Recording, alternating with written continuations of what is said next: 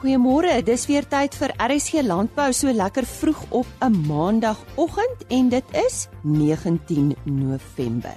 Op vandag se program, ons uh, vind meer uit oor 'n landboutoer wat volgende jaar in Februarie in Frankryk plaasvind. Dan praat ons verder vandag oor besproeiing. Die Nasionale Gesondheidsforum praat oor die ontwikkeling en implementering van naspeuurbaarheidstelsels vir Suid-Afrika en Agri SA praat met ons oor 'n samewerking tussen landbou en mynbou. Ons gesels vanoggend weer met Rover Tours. Nou Rover Tours spesialiseer in uh, landboutoere en as ons met hulle praat, gepraat ons gewoonlik met Ed Nudee en Ed ons praat spesifiek oor 'n toer wat nou in 2019 plaasvind. Nou ons is al amper daar en dit word genoem die SIMA toer. Ja, vertel bietjie vir ons uh, wie verteenwoordig SIMA.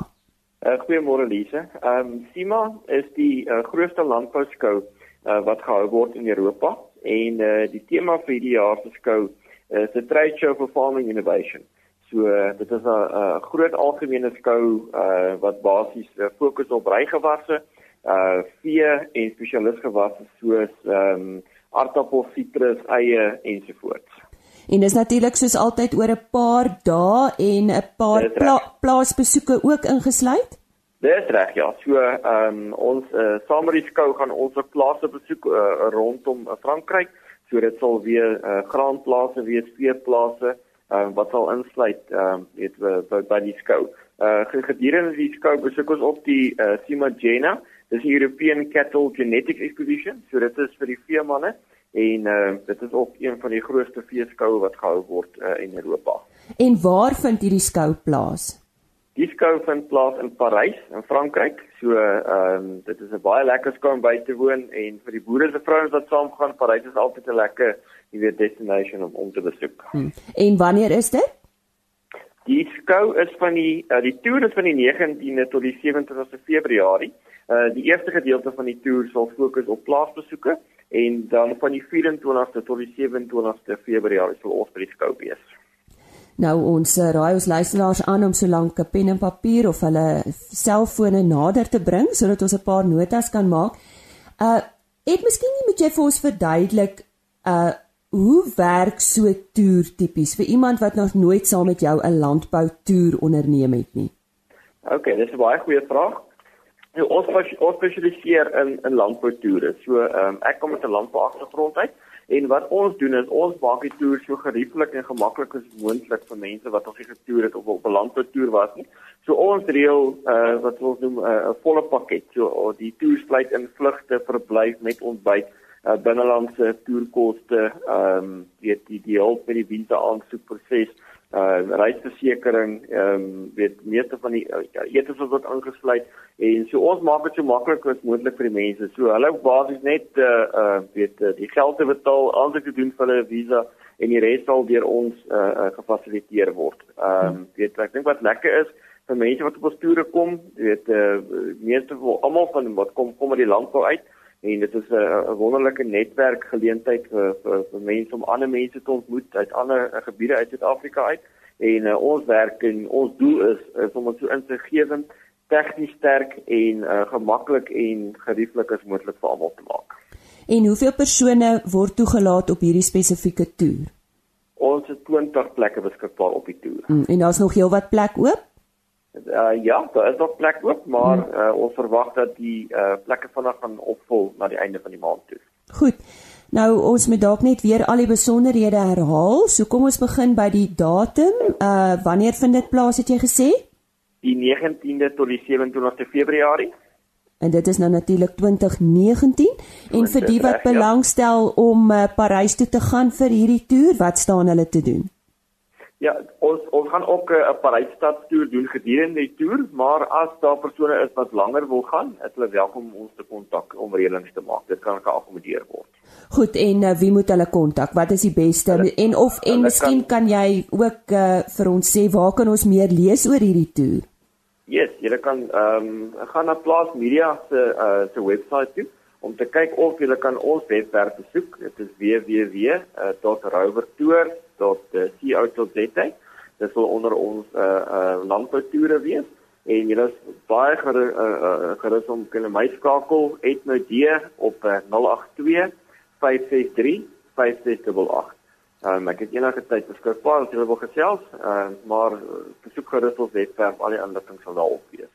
En dit was dan Ed Nudee van Rover Tours en hy het verwys na 'n webtuiste waar u ook meer inligting kan kry en dit is die Agri Orbit webtuiste www.agriorbit.com en hierdie toer is dan van 19 tot 27 Februarie volgende jaar.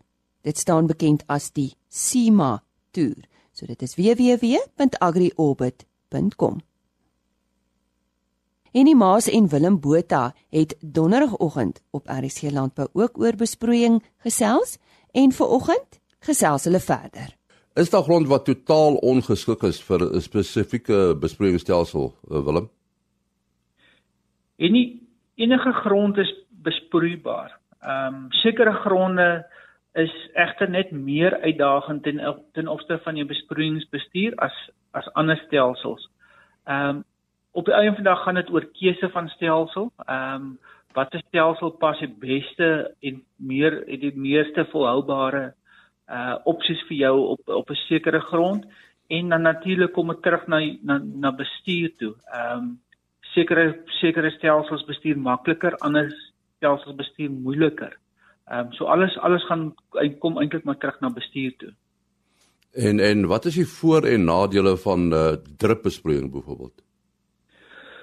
Die grootste voordeel seker hierdie is is is dat dit 'n baie effektiewe stelsel is en en dat jy 'n waterbesparingskomponent kry met drup. Ehm um, ander ander voordele is is natuurlik ehm um, jy het 'n laer energiebehoefte, daar's laer arbeidskoste ten opsigte van onderhoud Ehm um, en dan kan jy ook mos nou jou kunsmis deur jou besproeiingsstelsel baie gemaklik toedien.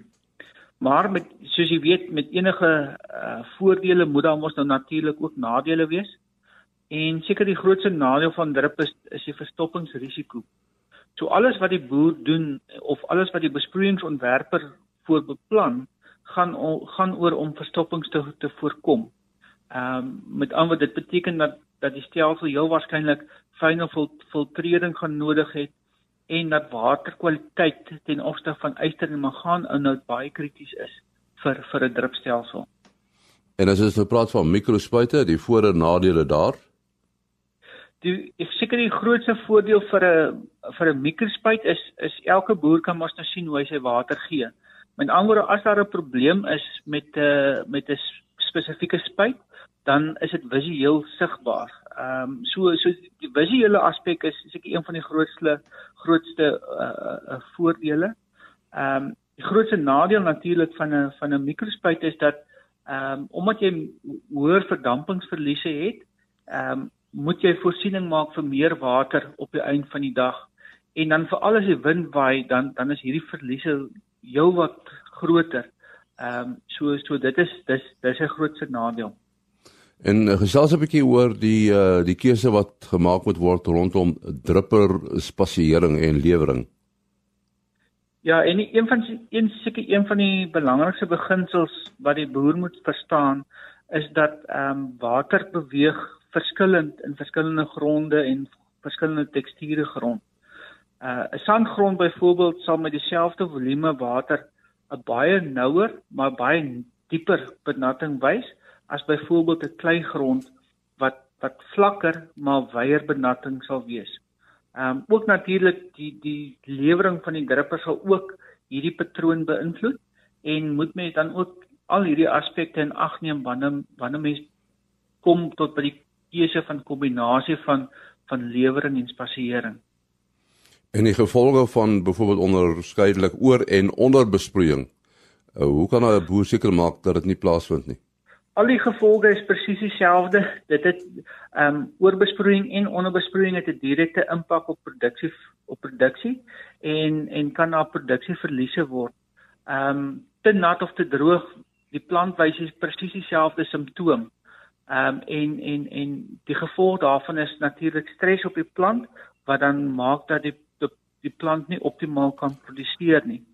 Nou een van die voorkomende maatreëls wat mens nou kan doen ten opsigte van oor en onderbesproeiing is is natuurlik ehm um, grondmonitering, met ander waar jy uh, apparate in die grond installeer om jou grondwaterinhoud te meet. Jy kan ook dan natuurlik die die plant se status ook meet deur middel van ehm um, uh, ander tegnologie waar jy stam inkrimping en uiteensetting meet of waar jy dalk miskien die die spanning binne in die in die in die plant meet met behulp van ehm um, druk met 'n drukbom uh of so tipe iets of andersins eenvoudige waarnemings visuele waarnemings waar jy gaan kyk na hoe reageer jou plant op op die oomblik. Ehm um, en en dit kan selfs net so ook so eenvoudig wees om om net gereeld profielgate te maak en of 'n grondboor te vat en kyk presies wat in die grond aangaan. Ehm um, so dit hoef nie dit hoef nie ingewikkelde monitering te wees nie. Mens kan dit baie eenvoudig maak vir jouself. Ja, ons hartlike dank aan Willem Botha van Netafim. In onlangse gesprekke tussen Agri SA en die regering het die behoefte na samewerking tussen landbou en die mynbou na vore gekom. Kenners meen samewerking van die aard kan moontlik ekonomiese groei fasiliteer. Janse Rabie van Agri SA vertel ons nou meer en hy is hoof van natuurlike hulpbronne. Janse landbou en mynbou het van ouds af 'n gespanne verhouding met mekaar en ek dink dit weet baie van ons landbouers reeds. Wat is die redes hiervoor? Dis ja, landbou en mynbou is 'n is 'n onderwerp wat waarskynlik baie sentiment ontlok onder boere veral.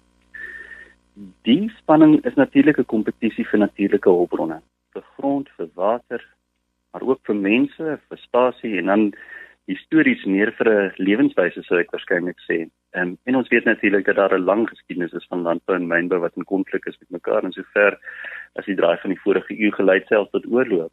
So dis essensieel vandag nog dieselfde dat daai kompetisie vir na, natuurlike hulpbronne nog steeds die probleem veroorsaak tussen tussen mynbou en landbou. En dan natuurlik die aard van die twee bedrywe. Die een is natuurlik een uh, landbou en landbou se geval spesifiek 'n bedryf met 'n termynverwagting van veel langer as wat dit is vir mynbou. En dit bly uh, tot tot 'n redelike konflik baie keer in spanning tussen die twee industrieë. En hoe lyk daai verhouding vandag? Verhouding is waarskynlik nog steeds dieselfde. Uh dinge het baie verander in die Suid-Afrikaanse ekonomiese landskap met beide mynbou en landbou wat veel kleiner uh deel vorm van die Suid-Afrikaanse bruto binnelandse produk en deel vorm van die Suid-Afrikaanse ekonomie. Mynbou uh anderste wat veel mense dink is is ook redelik op die agtervoet. Ons sit met 'n met 'n kwynende mynbou industrie in Suid-Afrika nog steeds ewe belangrik. Dit moet ons nie uit die oog uit verloor nie, is dat mynbou en landbou nog steeds daardie hoekstene is van die van die Suid-Afrikaanse ekonomie en steeds ewe belangrik is in die in die oplossings wat ons sien vir Suid-Afrika se ekonomiese groei.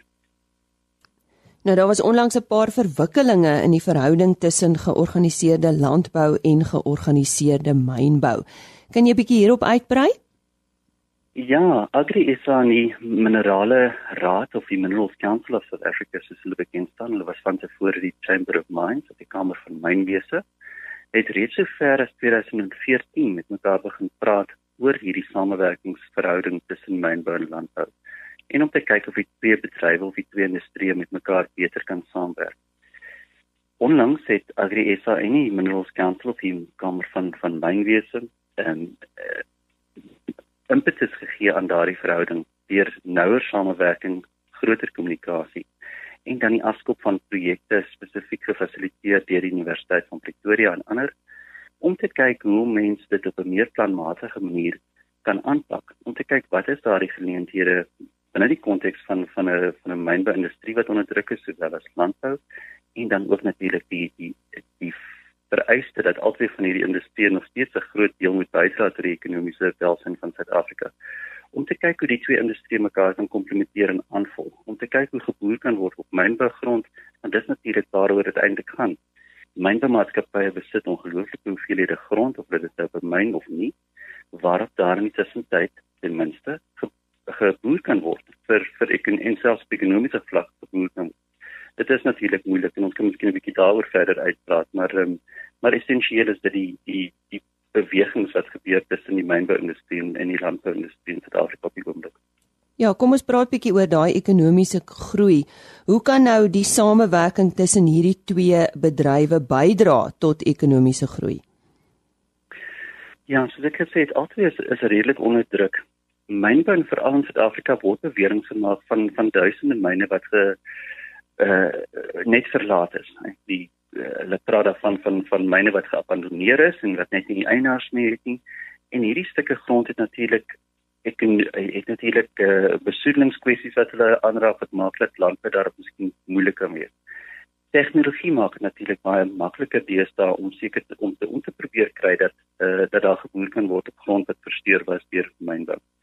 En dit is waarop ons probeer fokus op hierdie stadium om te kyk hoe kan daar effektiewelik en kommersieel geboer word op mynbougrond. Dit sluit of of tradisioneel versteurde landbougrond dan dit sluit nuwe idees en nuwe denkerigtinge in rondom en dit behels ook 'n wegbeweeg van van tradisionele gedagtes van hoë waarde landbougrond wat natuurlik nie beskore is in in die mynbou scenario nie maar waarop seker gewasse wel geskik is en sekere landbou uh, praktyke wel ge, gepas het. Dit sluit in byvoorbeeld die moontlikheid en dit word ondersoek op hierdie stadium na die aanplant van gewasse vir uh biobrandstof byvoorbeeld. Iets wat nie noodwendig in die in die uh op die supermarkte gaan gaan verskyn nie, maar wat wel tog landbou is en 'n groot bydrae kan maak tot die rehabilitering van versteurde uh, mynbougrond vir landbou die lande spesifiek. Dit behels ook 'n 'n 'n 'n 'n nuwe denkerigting rondom uh, arbeidspraktyke wat natuurlik belangrik is. Wanneer myne toemaak is daar geweldige hoeveelheid mense wat wat agterbly wat dan nuwe inkomste moet kry en hoe word dit dan aangespreek met uh, met landbou hoe om sulke mense herop te lei om seker te maak dat hulle kan ek het nu ekonomies deelneem uh, in die ekonomie van Suid-Afrika en veral bewys van landbou natuurlik se eie uitdagings en so maar dit is goed dat gebel en en dringend aangespreek moet word en ondersoek moet word. So hoe lyk die pad nou vorentoe? Ja, dit uh, ek dink die die interessante van die werk wat ons vir die oomblik saam met uh, saam met die kamer van mynwese doen sowel as met projekte wat ons betrokke is by die WNR is dat daar moet veel meer gepraat word. Ek dink die die weerstand en die verset veral van landbou se kant af rondom mynbou wat plaasvind in in, in tradisionele landbougebiede moet aangespreek word. En mens moet eerlik en opregte gesprekvoering hê rondom wat die probleme is wat mynbou bring wanneer hulle voorheen uh, oorwegend landbougemeenskap na toe kom. So gesprekvoering eerstens baie belangrik, maar dan ook 'n uh, en gereelde gesprekvoering moet ek net byvoeg, nie net nie net op gebeurlikheidsbasis nie. Daar gaan ook indringend gekyk moet word na die dit wat ons beskou van landbougeleerders se kant af as 'n ongelyke speelveld wat die mynbouindustrie bevoordeel. Daai onderliggende kwessies moet natuurlik aangespreek word. In die tussentyd moet daar dringend werk gemaak word van die geleenthede wat mynbou bied vir landbou en veral kommersiële landbou in Suid-Afrika. En ek dink dit is essensieel in in 'n neutedop eintlik waarop dit neerkom om daai gesprekvoering, die identifisering van gepaste projekte en natuurlik die onderliggende probleme op 'n voortdurende basis aan te spreek om daarby uit te kom. En daarvoor het ons hierdie hierdie forum ten minste tussen Agri SA en die Kamer van Mynwese om te kyk na na hoe ons nie in die toekoms verder en beter met mekaar kan saamwerk. Nou ja, samewerking is altyd goeie nuus en ons sê baie dankie aan Jan se Rabie. Hy is hoof natuurlike hulpbronne by Agri Suid-Afrika en hy het met ons gesels oor die behoefte van samewerking tussen georganiseerde landbou en georganiseerde mynbou. Die uh, toenemende plaaslike en internasionale vraag na diereprodukte en geleenthede om diereprodukte uit te voer het uh, talle lande en veebedrywe aangemoedig om in die ontwikkeling van naspeurbaarheidstelsels te belê. Nou Suid-Afrika het nie agterweë gebly nie en 'n konsepdokument is onlangs bekend gemaak sodat vee beter geïdentifiseer en nagespeur kan word. Dr Pieter Vervoort van die Nasionale Dieregesondheidsforum gesels nou met ons hieroor. Ja, dokter Vervoort, verduidelik nou eers vir ons wat behels naspeurbaarheidstelsels en waarom is dit nodig? Okay, ek altyd is redelik eenvoudig. Dit is 'n manier om 'n dier of 'n produk van sy oorsprong tot op die verbruiker se tafel. Ehm um, 'n uh, uh, uh, rekord te hou van presies wat met daai dier aangaan. En dit behels natuurlik die identifikasie van die dier of die produk en dan al die produkte wat daarvan afkomstig is tot dit by die verbruiker uitkom. Watter ander lande dien as 'n goeie voorbeeld van soortgelyke stelsels wat werk? Ek dink 'n goeie um, land wat ons ons mee kan identifiseer is Namibië. Namibië het 'n stelsel al baie jare en 'n baie eenvoudige stelsel. Ehm um, en dit is 'n baie effektiewe stelsel wat vir hulle goed werk. Ehm um, oorseese lande soos Australië en Nieu-Seeland natuurlik wat vreeslik baie produkte uitvoer, is 100% genoodsaak om hierdie naspeurbaarheid in plek te kry mits hulle wil handel dryf met die res van die wêreld. So wanneer gaan hierdie stelsel nou in Suid-Afrika in werking tree? Ehm um, as dit dan van my afhang is dit môre, maar uh, ons moet prakties wees. Hierdie ding gaan 'n lang tyd vat om te implementeer. Maar ons moet dit begin maak. Ehm um, ons hoop om dit binne 'n kwessie van 5 jaar ehm um, heeltemal uh uit te rol. Uh maar eers moet ons nou begin maak. Ons ons ons is baie ver agter die res van die wêreld en uh ons ons het redelik baie handel wat ons dryf met hierdie produkte in die wêreld. So ons sal moet inpas met die internasionale standaarde. Op watter praktiese maniere wil die bedryf dit dan implementeer? Met die praktiese maniere is ons moet die stelsel van die grond af kry. Ehm um, en dit is baie baie belangrik. So al die ehm um, dokumente van die regering en so aan om die stelsel in plek te sit, is klaar in plek. Al wat ons nodig het is finansies om hierdie ding nou van die grond af te kry. Ehm um, en ons is al redelik ver gevorder um, met mense wat belangstel om die stelsel in Suid-Afrika te implementeer. Ons gesels 'n bietjie oor vee siektes in Suid-Afrika. Hoe voorsien julle gaan dit bydra tot die bestuur van hierdie siektes? Nou een een van die grootste maniere om vee siektes te beheer is as daar 'n vee siekte erns uitbreek, moet ons weet waar dit vandaan gekom het en waar dit moontlik heen beweeg het. Ehm um, en dit is deur diere identifikasie en dan 'n manier om op rekord te stel waar die diere vandaan gekom het en waar leen. So bewegings ehm um, beheer, nie eintlik beheer dis net ons wil weet waar die diere is en dit gaan dan 'n self-geïmplementeerde stelsel van die bedryf wees. Nou eh, as vee siektes nou beter beheer kan word, gaan dit seker 'n natuurlike effek op handel ook hê. Uh brei bietjie uit daaroor. Onthou net ons het 'n ons is baie afhanklik van landbou in Suid-Afrika. Ehm um, in internasionale handel vereis dat jy hierdie naspeurbaarheidstelsels in plek het. Ons handel is redelik groot, die die die vrugtebedryf en so aan het redelike goeie stelsels in plek al. Ehm um, en ons moet in die in die veebedryf moet ons seker maak dat ons hierdie stelsels ook in plek het sodat ons in die toekoms meer handel kan dryf in die res van die wêreld. Nou die groot vraag is hoe gaan julle nou verseker dat dit deur die bank toegepas word? Ek dink om dit wetlik toe te pas gaan ons baie baie jare vat om om om die wette in plek te kry.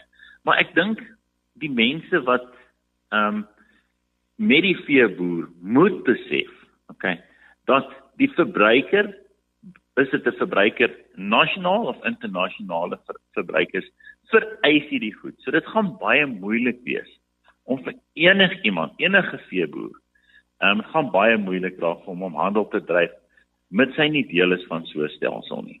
En hoeveel ondersteuning word van die departement van landbou, bosbou en visserye in hierdie verband ontvang, eh, dokter Vervoort? On, ons kry baie goeie ondersteuning van hulle. Die probleem waar ons met die eh, op die oomblik sit is geldelike probleme. Daar's baie min geld van tesorie beskikbaar vir hierdie goed. Maar ons dink die stelsel kan homself finansier. Ehm um, en tot daar bydra natuurlik van van die departement moet wees. Ehm um, maar dat die stelsel homself op die einde moet finansier. Dit was dokter Pieter Vervoort van die Nasionale Dieregesondheidsforum wat met ons gesels het oor 'n naspeurbaarheidstelsel wat binnekort deel gaan wees van uh, ons ontwikkeling in die veebedryf in Suid-Afrika. Dis aan tyd om te groet. Baie dankie dat jy saam met ons gekuier het. Môreoggend op RSG Landbou gesels ons onder andere met die departement landbou oor 'n sitrusvergroening siekte. Onthou om daarvoor in te skakel. Onthou môreoggend 05:30 weer RSG Landbou. Totsiens. RSG Landbou is 'n produksie van Plaas Media. Produksieregisseur Henny Maas. Aanbieding Lisa Roberts. En inhoudskoördineerder Jolandi Root.